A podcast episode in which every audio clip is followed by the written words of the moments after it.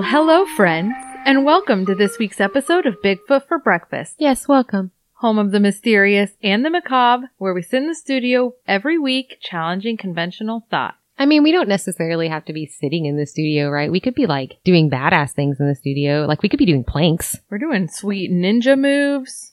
Got some burpees going on in here. No, we don't. Burpees are the devil. I would never do one burpee ever. I've Ever. done a lot of burpees in my day. I know, and I refuse to do another one ever again.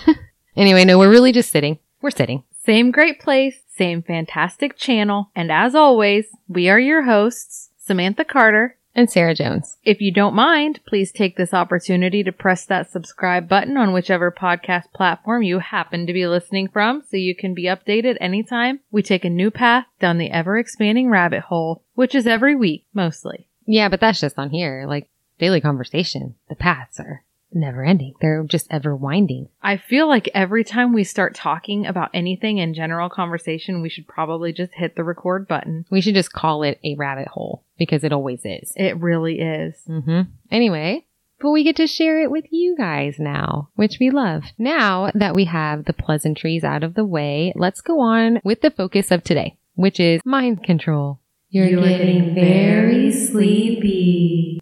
Yes, we're going back to the Cold War to explore a little deeper the American government's little clandestine project, a little skeleton in the CIA closet, Among many.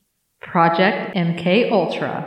It seems that no matter how much you dabble in the historical spiderweb of CIA lies and deceit, there's always something new and exciting to explore for those who have yet to dive into this particular rabbit hole. We're so happy you've come. We've been waiting for you. Come into my parlor, said the spider to the unsuspecting podcast listener. Buckle your seatbelt, keep your arms, legs, and all other free flying appendages inside the ride at all times. You know what she means. yeah, you do. Tuck her in. I think there's a name for that. No, we're not going to discuss such things. Launching? No, that's not the right word. Are you sure? Yes. Why have I thought about this enough to like feel like I know the word for it? Well, we've specifically had the conversation where you thought that was the word, and it's been proven that that is exactly not the word. We're gonna give it a Google. Urban Dictionary. Okay, we Googled it and she's right. That's not a thing. We've gone too far. Whoa, we went too far. You said we went too far. We're already off subject. We need to talk about the Cold War. The year is 1953. And go. This was quite an eventful year for us here in America. In January of 1953, President Truman announced that the U.S. had developed the hydrogen bomb. Almost 70% of American televisions were tuned in to watch Lucy Ricardo give birth to little Ricky. Dwight D. Eisenhower was sworn in as President of the United States. In May, the U.S. conducted its first and only nuclear artillery test. In June, Julius and Ethel Rosenberg were executed as spies for the USSR, and also in that month, the head of the CIA Technical Services staff, Sidney Gottlieb, approved the use of LSD in the MK Ultra project. This, my friends, is where we jump on this crazy train. All aboard. I think that the most appropriate jumping off point for us lies with a few notable people that will be making recurring appearances throughout the story. So we begin with a man named Sidney Gottlieb. Mr. Gottlieb was born in 1918. He studied chemistry at the California Institute of Technology, obtaining his PhD. He is lovingly known as the CIA's master magician, torturer, or poisoner in chief, who I feel quite strongly could be labeled an assassin. If you're in any way interested in CIA conspiracy, you've heard of this guy. He's all over. Yeah, in everything. He- everything bad. If it's dark, he's involved, most likely. He was actually the head of the MK Ultra mind control project and made a reputation for himself conducting what could be considered brutal experiments in secret prisons on multiple continents. Not the type of guy I would have guessed who would have lived in a cabin in the woods with outdoor toilets and a vegetable garden, but it sounds like that's the kind of guy he was. He was a homesteader. According to his biography summary on thehistoryreader.com, he even practiced meditation, raised goats, and authored the odd poem or two. It didn't work for his relaxation techniques. He was only 54 years old when he retired from his career and was awarded a medal for distinguished service. He and his wife pretty much sold everything that they owned in 1973 and headed out into the world on humanitarian adventures for spiritual fulfillment. How lovely. He may have needed the karma points. This is not Reddit, Sam. Karma points. Karma points? Is that a thing? On Reddit? Oh, is it? Yeah. Oh, I didn't even know. You have to have like so many karma points to post on anything. It's really freaking frustrating. Oh, I don't read it. So Build your karma. anyway, but if it gives you any like context into the kind of person that this guy was or the kind of career that he had, he was involved in the planning of Fidel Castro's overthrow. Ultimately, his poisoning plots and stuff were discarded and they just decided to just assassinate the motherfucker, but he was involved in that and so were the other guys that we're going to discuss. In their defense on this one, he was He- kind of a huge piece of shit. Absolutely. But there were some other slightly more unforgivable things that went on here. The next man of note is Richard Bissell. Bissell was born in 1910. He went to Groton and then studied economics at Yale. He too had a very distinguished career, but the highlight as it applies to this particular subject is when in 1956, the head of the Directorate for Plans, an organization instructed to conduct covert anti-communist operations around the world, Frank Wisner suffered a mental breakdown while struggling with manic depression. And he was sent to a psychiatric hospital where he was treated with psychoanalysis and electroconvulsive treatment or shock therapy. He was released from hospital in 1958, but he was unable to return to his job. While he was unable to perform his duties, Wisner's job was performed by a fellow named Richard Helms. Once Wisner was released, he was reassigned, but it was decided that Helms wasn't the guy to permanently replace Wisner. Enter Richard Bissell.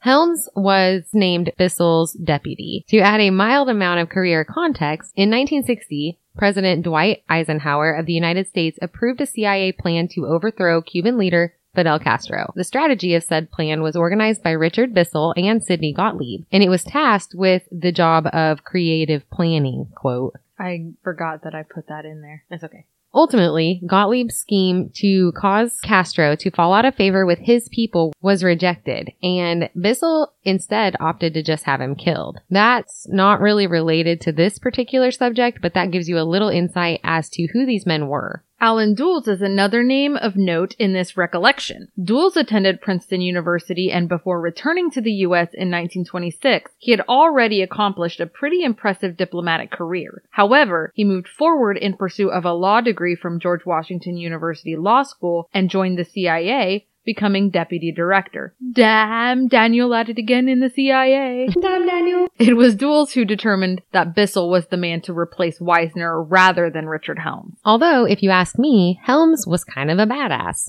He joined the Navy after the bombing of Pearl Harbor, and in 1943, he was transferred to the Office of Strategic Services, or the OSS, which was responsible for collecting and analyzing information about countries at war with the U.S., as well as organizing guerrilla fighting, sabotage, and dun dun dun espionage. Saboteur! Also in 1945, after Germany surrendered, Helms helped interview suspected Nazi war criminals until 1946, when he was put in charge of intelligence and counterintelligence activities in Germany, Austria, and Switzerland. Then, in 1947, he joined the Central Intelligence Agency, or the CIA. See? Badass. Kind of a badass. Agreed. So this is a really big rabbit hole, guys, and it was really hard to stay focused when reading all of the insanely interesting things that these men had their hands in. Not to mention the CIA in general. If you remember our episode on Project Stargate, which was also a CIA project during the Cold War, you know what I mean. If you haven't listened to that episode, I believe it was titled The Government. You definitely need to listen to that one as well. It is a good one. Not to toot our own horn. Right. Anyway, just to make sure we're not making any assumptions about who knows what, we're going to go ahead and throw in that the CIA is a foreign intelligence service of the federal government of the United States tasked with gathering, processing, and analyzing national security information from around the world, primarily through the use of human intelligence. As one of the principal members of the United States intelligence community, the CIA reports to the Director of National Intelligence and is primarily focused on providing intelligence for the President and the Cabinet of the United States. Unlike the Federal Bureau of Investigation or the FBI, which is a domestic security service, the CIA has no law enforcement function and is mainly focused on overseas intelligence gathering with only limited domestic intelligence collection. Straight from the infinite wisdom of Wikipedia, y'all. Mm-hmm. Not that we get all of our information from Wikipedia, but that one. Some pretty straightforward definitions but for the most part, I try to make a point to avoid getting any information from Wikipedia. Unless they have good sources, because sometimes they do, and then sometimes you can go into their sources and find more stuff, and it's pretty, it's pretty good. But then there's some people that like to, for fun, go in and add little nuggets of information that are completely untrue, kind of like we're all slide in and talk about how people were like ninja warriors, and you're like, no, they weren't, and I'm like, yeah, you're right, they weren't. Right. He was really skilled with a bow staff. Mm-mm. Well, he might have been. We don't know. We don't know. honestly, but we can't prove that. So Everything's possible. I don't know what he was doing in his parlor. We're not doing planks. There's so much room for activities. Okay, so let's get back to the topic at hand. Back into the fray. At the height of the Cold War, there was rampant fear in the U.S. government that Soviet, Chinese, and North Korean forces were using methods of mind control to brainwash U.S. prisoners of war. Which, to be fair, to be fair, to combat or respond to these fears, in 1953, MK Ultra began with a proposal from the Assistant Deputy Director Richard Helms to the DCI outlining a special plan funding mechanisms for highly sensitive CIA research and development projects that studied the use of biological and chemical materials in altering human behavior. Didn't we talk in the Project Stargate episode about how there was kind of talk that somebody slipped the US government information that the Soviets were using these things. And so the government, our government started doing it and maybe the other government wasn't doing it at all. Well, and then they let us do the work, and then they just took our research and started their own program. Yeah. Possibly, we don't know, cannot confirm. Cause we're dumb. We can't confirm. It's not cause we're dumb. We has the dumb, small dumb brain, Small dumb brain, small dumb brain. Is that what you hear a lot? Cause my kid says big brain to me a lot. The director of the CIA, Alan Dulles, approved Project MK Ultra, a covert operation which would be tasked with the development of techniques using drugs and other psychological manipulators to control behavior. In this program, there had been more than 150 human experiments involving psychedelic drugs, paralytics, and the use of electroshock therapy. Keep in mind that only some of these test subjects for this program even knew that they were participating in a study. Some of these subjects had no idea that they were being dosed with hallucinogens. Which brings us to our next recurring name lysergic acid diethylamide, Mm-hmm. better known to everyone as LSD or simply acid. Acid. LSD is a hallucinogenic drug that was synthesized by a Swiss scientist in the 1930s. It was utilized during the Cold War by certain government agencies for certain research studies, and then later became a popular party drug for the hippies and college kids. To be fair, Okay, so now that we've gotten that out of the way, let's dive a little deeper into Project MK Ultra. You know what I didn't include in this? What? The um author of One Flew Over the Cuckoo's Nest actually was a volunteer for this program while he was in college and then introduced the drug LSD to the party scene at his college. I believe it was UCLA, but I'm not sure. So don't quote me on that. have you ever seen that movie? I think I read the book, So much symbolism, and I could totally see that. right? Yeah, it's a good, it's a good movie. I never He read was the book. totes on acid. I mean, probably. Anyway, there you go. A little nugget from my big smart brain. My guess was shrooms, but whatevs. I mean, tomato, tomato. According to the transcripts for a hearing before a Senate committee, what is our deal with Senate committees and subcommittees? There's so much information in those. You know, actually, I had a really hard time staying focused while reading this because one of the members of the Senate that was present for this hearing was Ted Kennedy. Oh, so there's a whole other rabbit hole. Right? See? One leads to the other. They're all connected. There are upcoming episodes regarding the Kennedys here shortly. We have plans. We do have plans. We got Ted, we got Jackie, we got John, we got even some Marilyn getting involved here. Camelot. Yep. So anyway, moving on. So this Senate committee and subcommittee, they met in 1977, many years after the fact. What documentation there was left regarding the project was reviewed. It sounds like what was known about the CIA involvement with behavioral drugs could be found in a report on Project MK Ultra, which had been prepared by the Inspector General's office in 1963. So that's, you know, 14 years after the fact. And based on that report's recommendations, secretly testing drugs on U.S. citizens without their knowledge was subsequently discontinued. Well, I'll be. I'll be damned.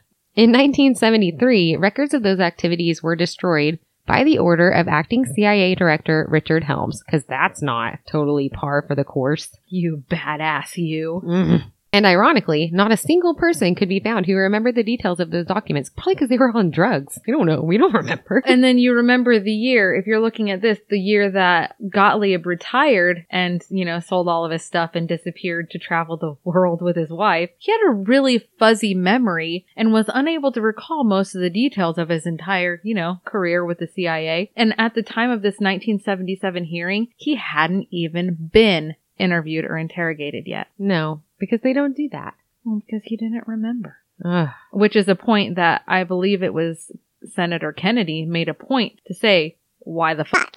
Did he? I mean, he didn't use that word, but he was pretty, Like he was hard on him. why haven't you talked to this guy and where is he? Right. So anyway, So get it, Ted.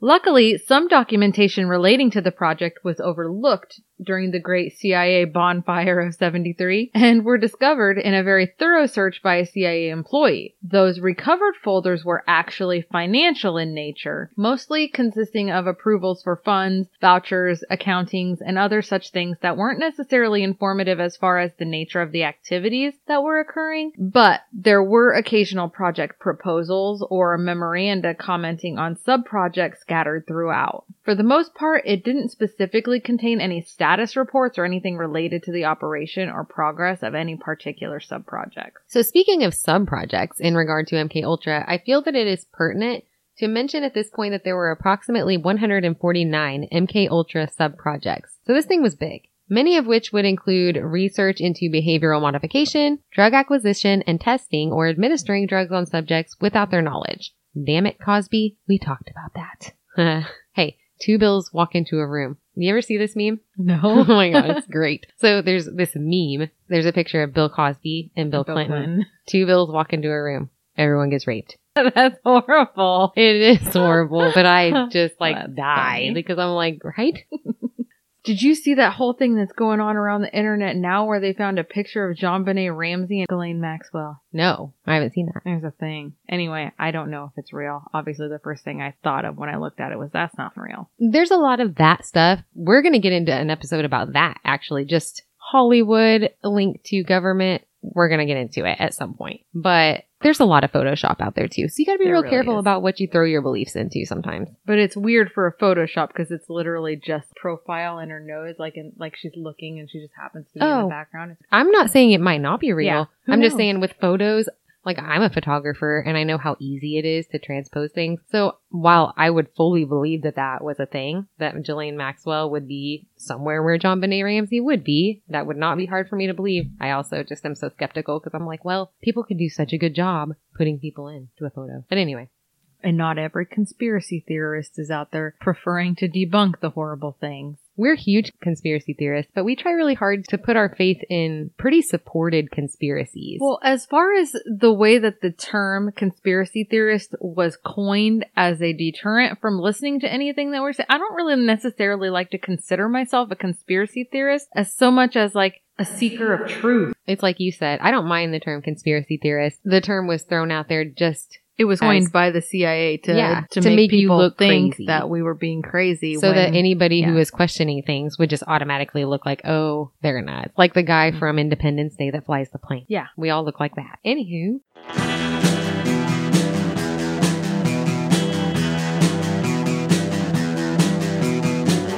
You're listening to the Prescribed Films Podcast Network, home to hundreds of hours of free podcast entertainment. The shows on this network all have a common goal providing you with the best discussions about movies and other forms of entertainment media. The PFPN hopes to fill your earholes with audio joy.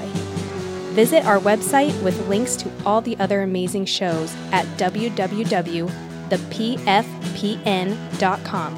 Thanks for listening. Let's break this down and give you more of a specific idea about what sort of sub projects we're looking at here. So it looks like there was six sub-projects that were noted to specifically test on unwitting subjects. Eight sub-projects studying hypnosis and included two sub-projects which applied the use of hypnosis and drugs together. There were seven sub-projects focused on the acquisition of chemicals or drugs, nine sub-projects which studied human behavior, research on sleep and behavior changes during psychotherapy. So to simplify that just a little bit, we've got several sub projects. Some of the sub projects were assigned to just get the drugs to begin with, get them. Then there's their sub projects that were assigned to apply the drugs and basically just research how they affected human behavior, right? Or figuring out different ways to dose people without their knowledge. Also, if you're wondering if they ever looked into magician's art, that would be useful in covert operations like sleight of hand you know, or just magic, to deliver drug related materials to an unwitting subject. There were exactly four sub projects for that. So they were just getting some magicians to slip people stuff. They were learning the art. I mean, couldn't they have just chloroformed them? They wouldn't remember. Hey, does this bar napkin smell like chloroform to you? what? I mean, I don't know. I mean, that's pretty blatant. I've tried it twice. It only worked once. You know, if at first you don't succeed. There were sub-projects dedicated to motivational studies, studies of assessment and training techniques related to defectors, polygraph research, research on drugs, toxins, and biologicals in human tissue, exotic pathogens, and the capability to incorporate them into effective delivery systems. You get the gist. All the drugs in all the ways. There were interestingly three sub-projects that were canceled before any work was even done on them, which we'll talk about. They had to do with laboratory drug screening, research on brain concussion, and research on biologically active materials to be tested through skin on human volunteers. And by volunteers, we're not exactly sure that they actually knew that they were volunteered. So there's that. The juiciest part of these documents that was discovered in 1975, after the destruction of most of the documentation was a list of names. Names of researchers and institutions who participated in the MK Ultra project, as well as information on an improper contribution by the CIA to a private institution. So they just happened to stumble on a list of about 185 non-government researchers and assistants who were identified as having some part in these 149 sub-projects as well as the names of 80 institutions where these studies or researches have been done. Tisk, tisk. One such civilian was Louis West, a psychiatrist who was in charge of UCLA's Department of Psychiatry and the Neuropsychiatric Institute for 20 years. His alleged CIA handler was the black sorcerer himself, Sidney Gottlieb. West's involvement was discovered when a batch of research papers on hypnosis in West's archives were found, along with letters between West and his CIA handler, Sherman Grifford, a very covert cover name. Wouldn't you agree? It's all in the initials. West was adamant that he had, quote, never worked for the CIA. He had said so in a letter written to a magazine editor. The discovered archived letters began with no prologue or preliminaries as if it were the middle of a conversation. One was dated June 11, 1953, which was only two months after MK Ultra had begun. In his letter, addressed simply to SG, West proposed experiments using a combination of psychotropic drugs and hypnosis, outlining a plan to discover, quote, the degree to which information can be extracted from presumably unwilling subjects through hypnosis alone or in combination with certain drugs with subsequent amnesia for the interrogation and or alteration of the subject's recollection of the information he formerly knew. End quote. So basically, drugging them, giving them new information, making them forget about it and then making them forget about the information that they previously knew. So if they were put in a situation, they could alter their memory of the situation by hypnosis and drugs. So they could walk into a hotel room with somebody and make and then kill one of the people and then drug the other person and hypnotize them into thinking that they were the ones that killed the person and then they would confess to it because that's what their new memories told them that they did. And there were lots of instances of this. And we are definitely going to get into that. Yeah, so hold tight. Hold on to your britches.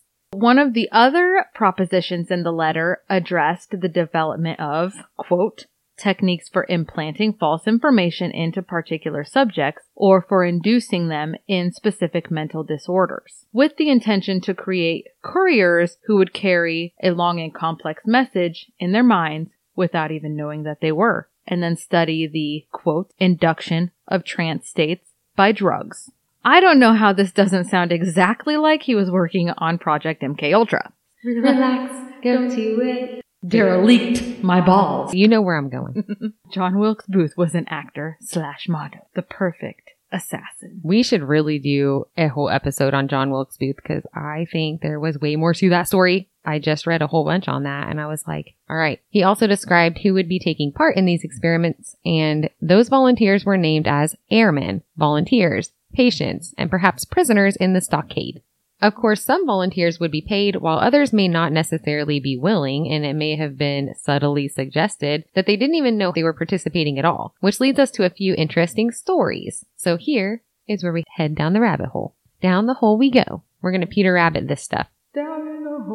In 1956, Louis West published a paper titled The Psychophysiological Studies of Hypnosis and Suggestibility, in which he reported to the CIA that an experiment which he had started in 1953 had at last come to fruition. I'm going to write a book someday and just call it Sarah Writes a Book. I think there's a book called Somebody Writes a Book. God damn it. Of course there is. I also follow a podcast called, I don't remember the guy's name, but does, someone does a podcast. That was my idea. And then there's another podcast, the I Think We're Doing It podcast. Yeah. There we go. Listen to them. Okay. We've got to stay on subject, Samantha. Right. We're the worst. Okay, so in this paper, West stated that he knew how to replace true memories with false ones in human beings without their knowledge. He described in relatively non-specific detail that it had been found to be feasible to take the memory of a definite event in the life of an individual and, through hypnotic suggestion, bring out the subsequent conscious recall to the effect that this event never actually took place, but that a different fictional event actually did occur. Voila! He had achieved. Achieved? He achieved it. He achieved it. He achieved the impossible. This makes me think of the Men in Black, like flashy thing. right? Did you Oh. just flashy thing me? right? How many times did you flashy thing me?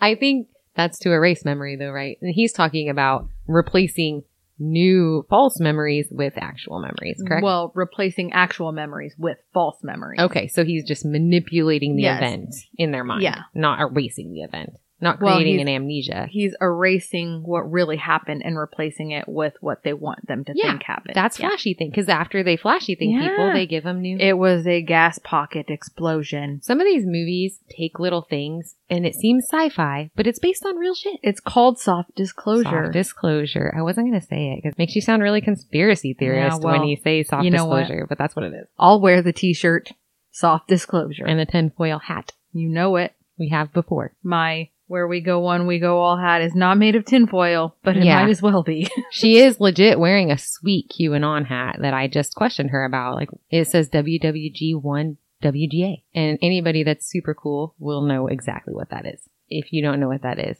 it means you might need to add a little coolness to your portfolio. And if you're not into the specific theories covered by QAnon, you're not reading deep enough, first of all. Second of all, we're not saying that we believe everything, but it's really interesting to read about and think about. Well, it's interesting, even if you don't believe everything, to read up on certain situations that are being questioned and develop your own thoughts on it. To even, even look at it in the first place as to maybe being different than what it actually is, is a good, good quality, I think. We don't buy into everything that we're told, obviously, but It's definitely worth looking into. sometimes to read an article and be like, huh, that could be, or like, maybe I'll look into that a little further is a good thing. Or you're full of shit. You're totally full of shit. There's a lot of that. There is a lot of that. I hate the people who go on and like repost the satire articles that are obviously made up. Sometimes I repost satire articles just because they're so freaking hilarious. Mm-hmm. But people will believe it. Anyway, coincidentally, that year at Lackland Air Force Base in San Antonio, Texas, where West had been working as chief of psychiatry services, an airman named Jimmy Shaver was accused of the murder of a three-year-old Chere Jo Horton, who lived near the base and had gone missing after her parents had left her and her brother in the car in a parking lot outside of a bar while they went in for a drink. Please reserve your judgments. I will say, though, those times were very different.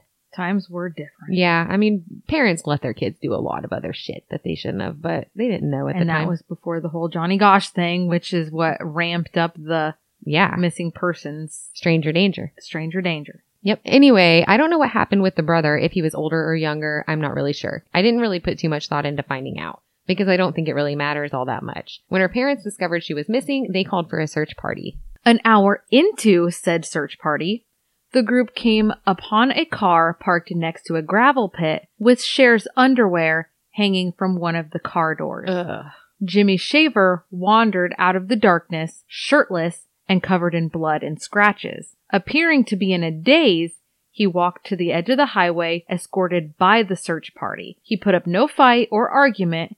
He was described by them as being in a trance like state. He didn't strike anyone as being drunk. He had no idea where he was, how he'd gotten there, or whose blood he was wearing.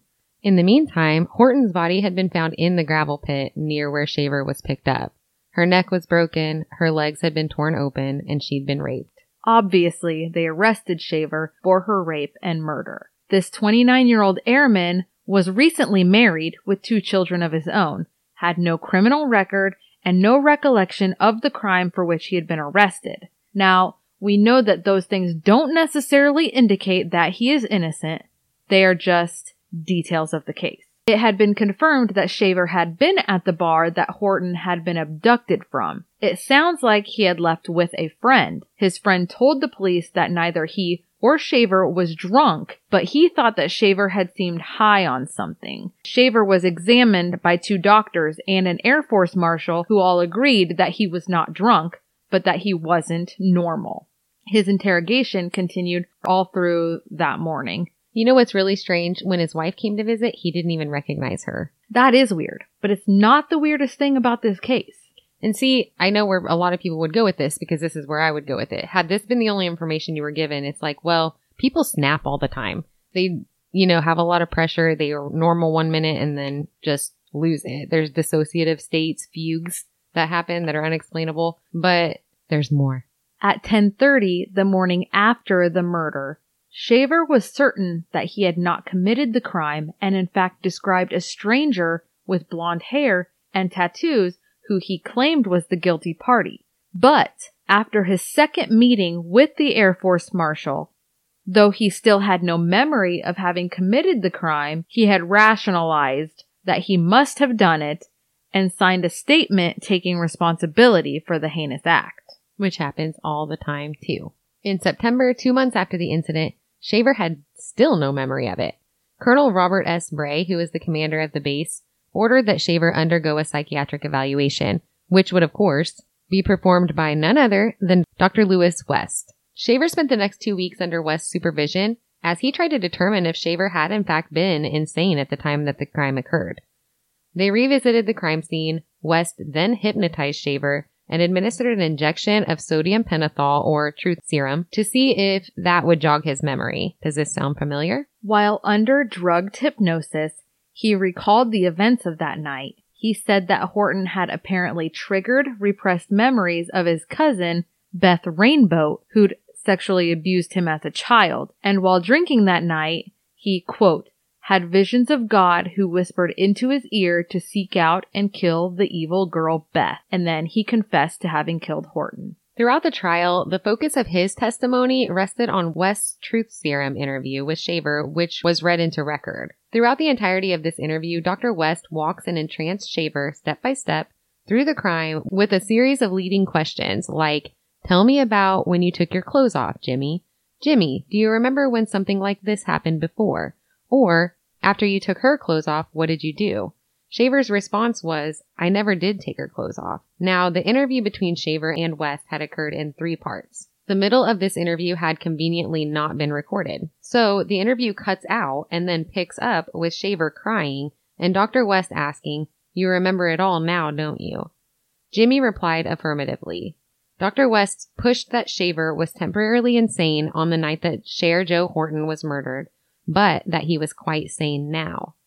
Although, from the way he was described sitting in the courtroom like a man in a trance, it doesn't really seem that way. And even though he was known to be a chain smoker, he didn't even take a break for that.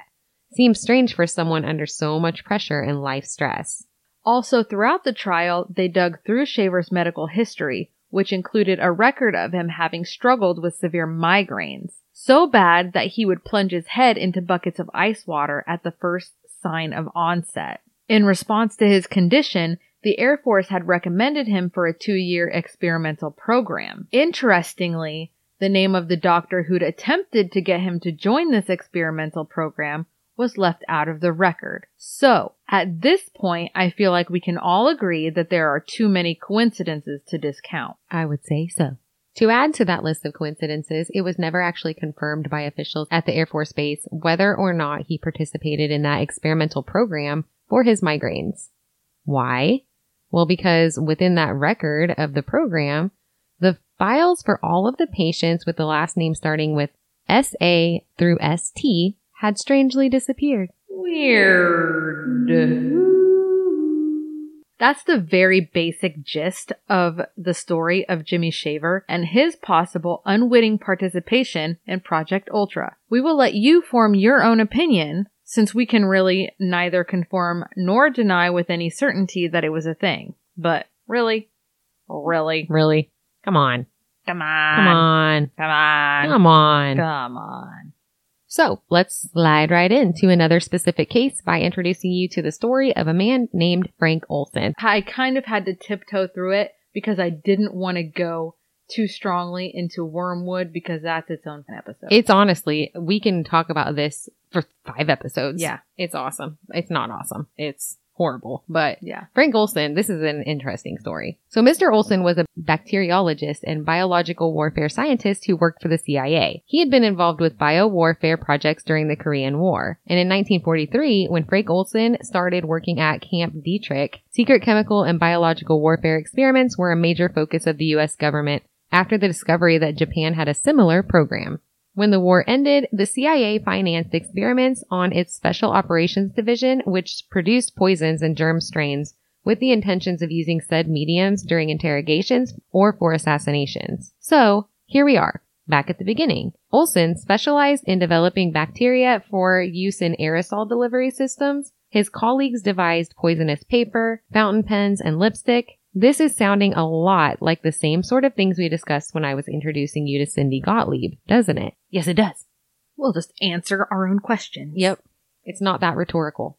So, Frank Olson had been having a bit of a struggle with the morality of his work. He had expressed these concerns to his wife.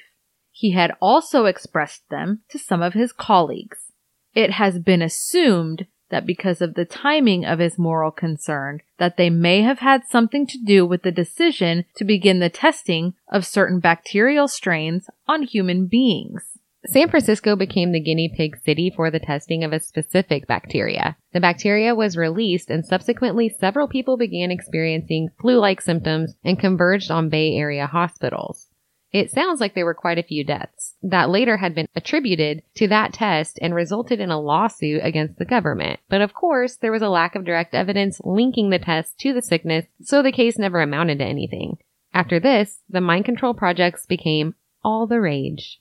Stop trying to make fetch happen. It's never gonna happen. You can't sit with us. Why are you dosing people with drugs without their knowledge? You can't just ask people why they're dosing people without their knowledge. Sometime around 2:30 a.m. on November 28th of 1953, Frank Olson jumped or fell from his room on the 13th floor of the Statler Hotel in New York City, plummeting to his untimely death. It's so convenient that he was having these moral problems with what they were doing and then he died. I mean, that never happens in government. Right? Let's backtrack a little bit. According to FrankOlsonProject.com, the week before his death, Frank was reportedly in a depressed mood after coming home from a mountain retreat with his Camp Detrick colleagues. He had told his wife that something bad had happened at the meeting, but all he would tell her was that he had made a terrible mistake. On Monday morning, before he left for work, he was expressing his plans to resign. According to his wife Alice, the next thing she knew, he had been sent off to see a psychiatrist in New York. See, I feel like I am a much nosier wife than that. I would demand details. Tell me what happened. right now. What happened with Camp Detrick peeps? The CIA ain't got nothing on my wifey interrogation technique. That's right. I will know. Fight me. Yep. Or you're sleeping in the camper or worse. Or worse. I want to know the secrets. In 1975, the Rockefeller Commission report revealed that Olson was included in a long list of CIA and military personnel that had been unknowingly dosed with LSD as a part of a test under Project MK Ultra. After this dosing, many developed serious side effects. Olson had actually exhibited symptoms of paranoia and schizophrenia after the experiment, and he had actually told his superiors that he wanted out of biowarfare business. Yeah. Four days after going to New York, it seemed to his family that Frank was eager to come home and was feeling better. He was expected to come back the very next day. However, six hours after talking to his family, he plunged to his death after allegedly jumping from his hotel room window. Keep in mind, this was a man whose work and knowledge was considered quite valuable. This was also a man who had knowledge of certain undertakings of the CIA and was unhappy with being a part of it. This was a man who was ready to walk away from that career, taking that knowledge with him. Highly suspicious. Don't you think? I know what you're thinking. We could manage to dig a conspiracy out of every situation. And yes, we do have a gift for seeing the possibilities in all situations, but we also try very seriously to look at these situations with objectivity. And well, come on. Once again, come on. So they did an autopsy, embalmed the body, and shipped Frank back to Maryland to his family for his burial. So if I was the wife here, I'd be like, y'all don't touch his body. I will come pick it up exactly as is and I will go, I'll figure it out. Nobody mess with it. His son Eric did later have him exhumed. He did, but then it's too late. They already jacked with it. They found some stuff. Okay, we'll get to that then. Well, we'll get to that when we discuss Wormwood on a different episode. Okay. So they did the autopsy. They sent him back to Maryland to his family afterwards. And at the funeral, the family noted a distinguished looking stranger who stood at the back of the church. It was later discovered by Frank's son, Eric, that this distinguished gentleman's name was Dr. Sidney Gottlieb. Are we connecting those dots? Good. We're all on the same page. We have to be. Come on. So, jumping back to the 1970s, when Pentagon papers were leaked to the press by a former Defense Department analyst, Daniel Ellsberg, you know that name? Y'all know that name? It was at that time that the American public became aware that it was not likely that there would be a U.S. victory in Vietnam. Vietnam. Yeah, because people always say no, I'm not Nam. Yep. And President Nixon's administration authorized freelance CIA operatives to break into the office of Ellsberg's psychiatrist in an effort to discredit Ellsberg. The conspiracy theories are running rampant. See, that's the thing. I know don't know what I'm talking about now? We're talking about some Watergate. We're talking about Watergate. Talking a yeah. little bit about Watergate. That's what we were talking about yesterday. They're all weirdly interconnected. There's so much connection. But anyway, we can't get into that either. We gotta focus on the task. We're going, we're going. That's going. a whole other episode, It's- but we're not going to elaborate. Anyway, after that, reports of similar violations involving the CIA led to the formation of the Rockefeller Commission, weird, headed by Vice President Nelson Rockefeller in 1975, which of course investigated and released a report on its findings on Project MK Ultra. But do we trust the Rockefellers? Not entirely, Especially Nelson. and not mostly. There was a little more transparency after that interrogation. During this investigation, a CIA secretary inadvertently handed over a file marked Frank Olson. Oops. it's so blatant. Frank Olson. Here's this. I don't know what it is. And here we are. Get out your red yarn, guys. It is time to make a map. We're making a map. Oh, in case you are needing some resolution in this case, which we all know you are, because I hate I hate not having closure. Olson's family was awarded a settlement of seven hundred and fifty thousand dollars and received a personal apology from President Gerald Ford and then CIA Director William Colby, because it actually looked very likely that the CIA had in fact assassinated Frank Olson. So there's some admission with money. They love to do that. We don't know for sure, but here's a million dollars. Get your pinkies up. Yep. We really should like live record these. Yeah, because there's some great action in a lot of our I get readings. I'm a hand talker. Me too. So I'm like sitting here talking around my mic with my, my Trying not to up, smack it every right? five minutes. I had to take my hat off because she kept ramming her face into her microphone. Can't handle a hat bill bills are hard to manage. Yeah. Mm. Okay. This situation was specifically addressed in the 1977 Senate committee hearing as Senator Inouye asked Admiral Turner the following question, quote, in February 1954, and this was in the very early stages of MK Ultra, the director of Central Intelligence wrote to the technical services staff officials criticizing their judgments because they had participated in an experiment involving the administration of LSD on an unwitting basis to Dr. Frank Olson, who later committed suicide. Now, the individuals criticized were the same individuals who were responsible for Subproject 3, involving exactly the same practices. Even though these individuals were clearly aware of the dangers of surreptitious administration, and had been criticized by the director of Central Intelligence, Subproject 3 was not terminated immediately after Olson's death. In fact, according to documents, it continued for a number of years. Can you provide this committee with any explanation of how such testing could be continued under these circumstances? To which Admiral Turner responded, No, sir, I can't. And that's a direct quote. He was then asked if the men who were responsible for that sub project were still employed by the CIA, to which he stated, They are not. So it sounds like Senator Inouye was seeking out answers as to how these particular men were punished for having continuing this experimentation after they had been made aware that the practices were unsafe. And the line of questioning is as follows. Senator Inouye first asked, quote, what would you do if you criticized the officials of the technical services staff and they continued to carry on experimentation for a number of years? Admiral Turner responded that, quote, I would do two things, sir. One is I would be sure at the beginning that I was explicit enough that they knew that I didn't want that to be continued anywhere else. And two, if I found it being continued, I would roll some heads. Senator Inouye asked, quote, could you provide this committee with information as to whether the individuals involved had their heads rolled?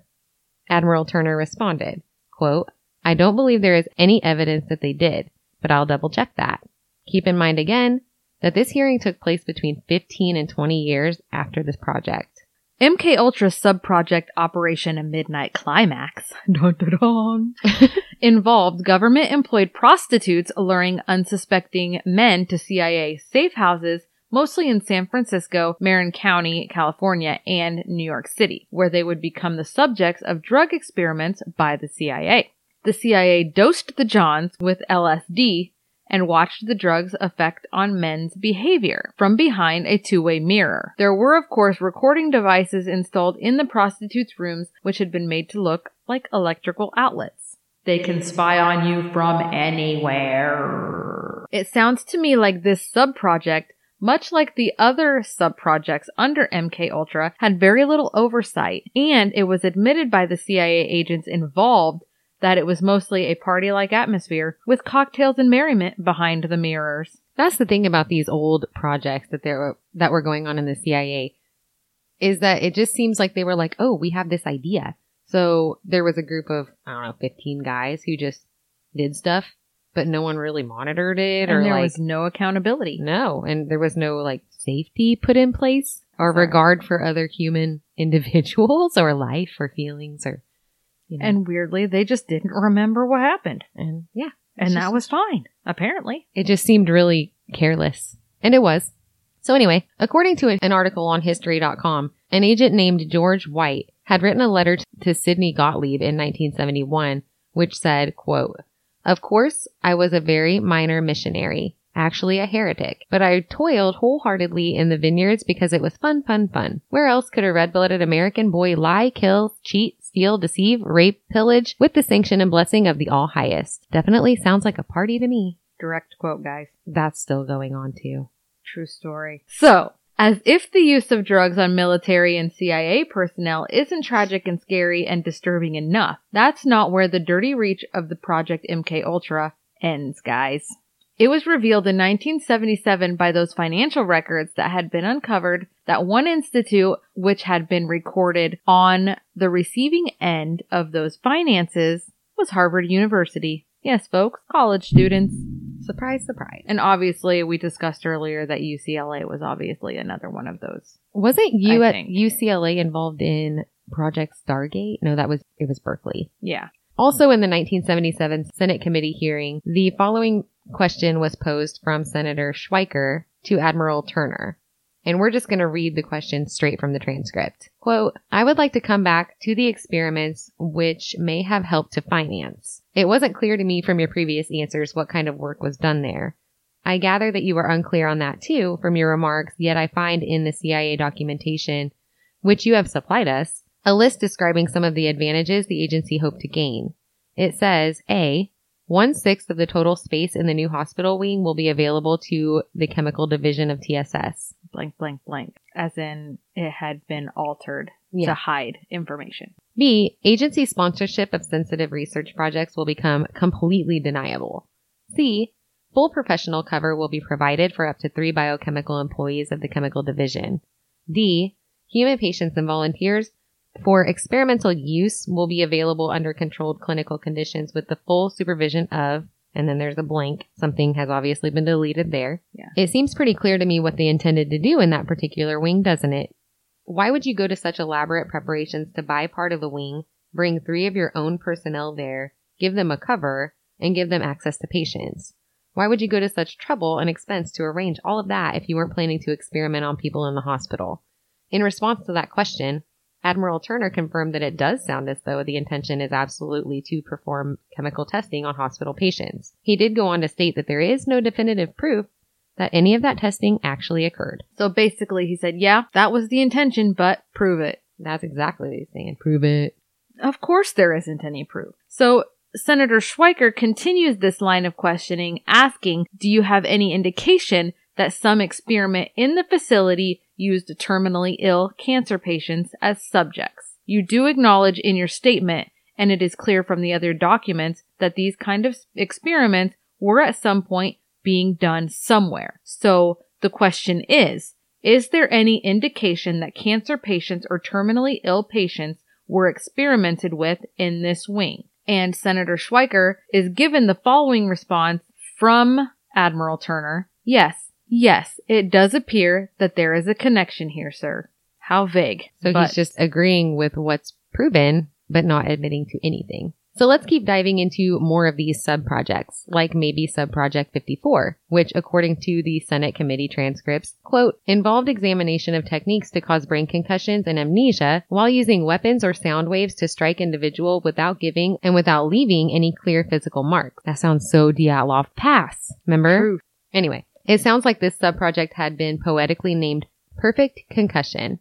It sounds like the CIA denied that the activities of this project ever actually took place, and it was one of the ones that were canceled before any of the tests actually occurred. Under Project Ultra, anyway. But in the Dyatlov Pass episode, if you guys listen to that, I hate to give it all away, but there were strange injuries on these hikers, and that was one of the mm-hmm. theories that the CIA had used these weapons that they were testing using sound waves, and that's why the people didn't really have any external injuries, or they had odd ones, but had extensive internal damage, which makes total sense. From the sounds of it, reading the transcripts, these specific activities did occur and were funded by the US Navy, not the CIA. So there's that. technicalities. On January 8th, 1953, a man named Harold Blauer died while acting as a test subject under the New York State Psychiatric Institute under a contract with the U.S. Army Chemical Corps. The cause of death was circulatory collapse and heart failure, which occurred after receiving an intravenous injection of a synthetic mescaline derivative. According to the U.S. Army Inspector General's report, on the events and circumstances of Mr. Blauer's death, his death was directly caused by the administration of the synthetic mescaline derivative. Other test subjects included volunteer prisoners, who, after taking a brief physical examination and signing a general consent form, were administered hallucinogenic drugs. For participation in the program, the addicts were awarded the drug of their addiction. Isn't that sweet? Enter notorious crime boss James Whitey Bulger, who terrorized Boston with the crimes of murder, extortion, and drug trafficking from the 70s through the 90s. While serving a stretch in prison in the late 50s, the CIA dosed Bulger with LSD more than 50 times, using him as a test subject in the search for mind control drugs. After this trial, while he was in prison, Bulger engaged in communication via letter writing with one of the jurors who had convicted him. In his communications with this juror, Bulger revealed that since taking part in the LSD experiments at a federal prison in Atlanta, he had been plagued by terrible and gruesome nightmares, hallucinations. He said that because of this, he was unable to sleep for more than a few hours at a time. Sleep was full of violent nightmares since 1957, and it was still that way, he said. In another letter, he discussed time that he had spent in prison on Alcatraz Island. On the rock, at times, felt I was sure going insane. Auditory and visual hallucinations and violent mi- nightmares. I still have them. Always slept with the lights on. It helps when I wake up about every hour from the nightmares. The mobster also recalled the supervising physician, the late Carl Pfeiffer of Emory University, and the technicians who would monitor his response to the LSD, asking him questions such as, would you ever kill anyone? etc., etc. It doesn't sound as though Bulger had had any murderous inclinations before the drug administration. However, you can make your own judgments as he was already in prison at the time of the experiments, but basically the reason he was having these letters and communicating with this juror was because after they had submitted the guilty verdict, she found out that he had actually been a part of the MK Ultra project and then kind of honestly felt guilty about convicting him. So she reached out to him? Yes, because Oh. she had more questions. Yeah, She's like, that makes I, sense. I want to know this. Granted, once the verdict had been handed in, it doesn't sound like there was ever any appeal or anything. Bulger had spent 16 years outrunning and hiding from several law enforcement agencies with his name on the 10 most wanted list before he was actually captured in 2011. After his trial, he was sentenced to two life terms plus five years by a federal judge. However, his life behind bars ended at age 89 when he was beaten to death by fellow inmates in his wheelchair. Hmm. I wonder why they would do such a thing. He had a pretty notorious reputation. It's hard to say. But those are just a few of the incidents that can be linked to the CIA and Project MK Ultra. As always, we try to gather a well-rounded bit of information, present it as we understand it, without bias most of the time, when we can control it. Come on. And we do let you be the judge.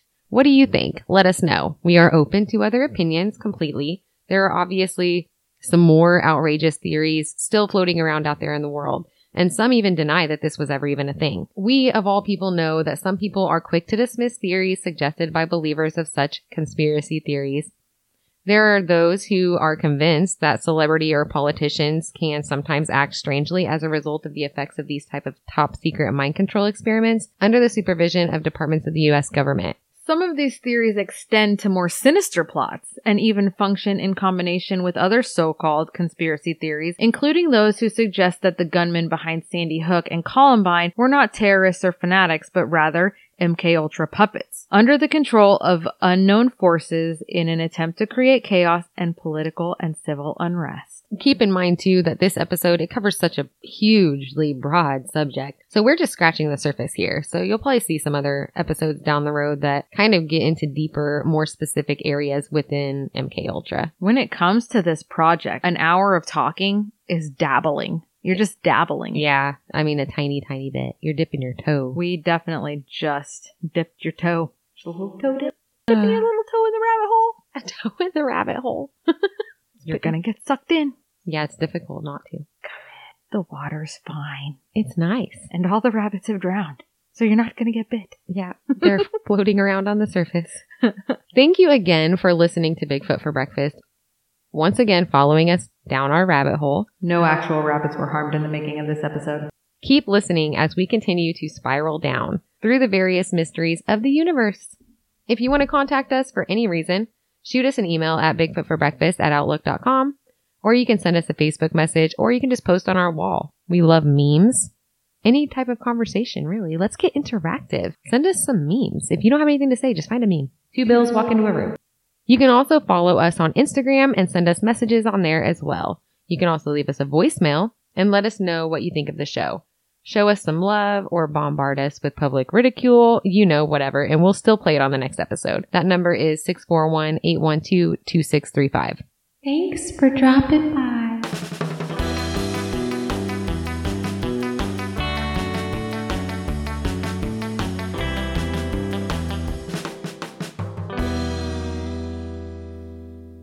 Come at me, bro.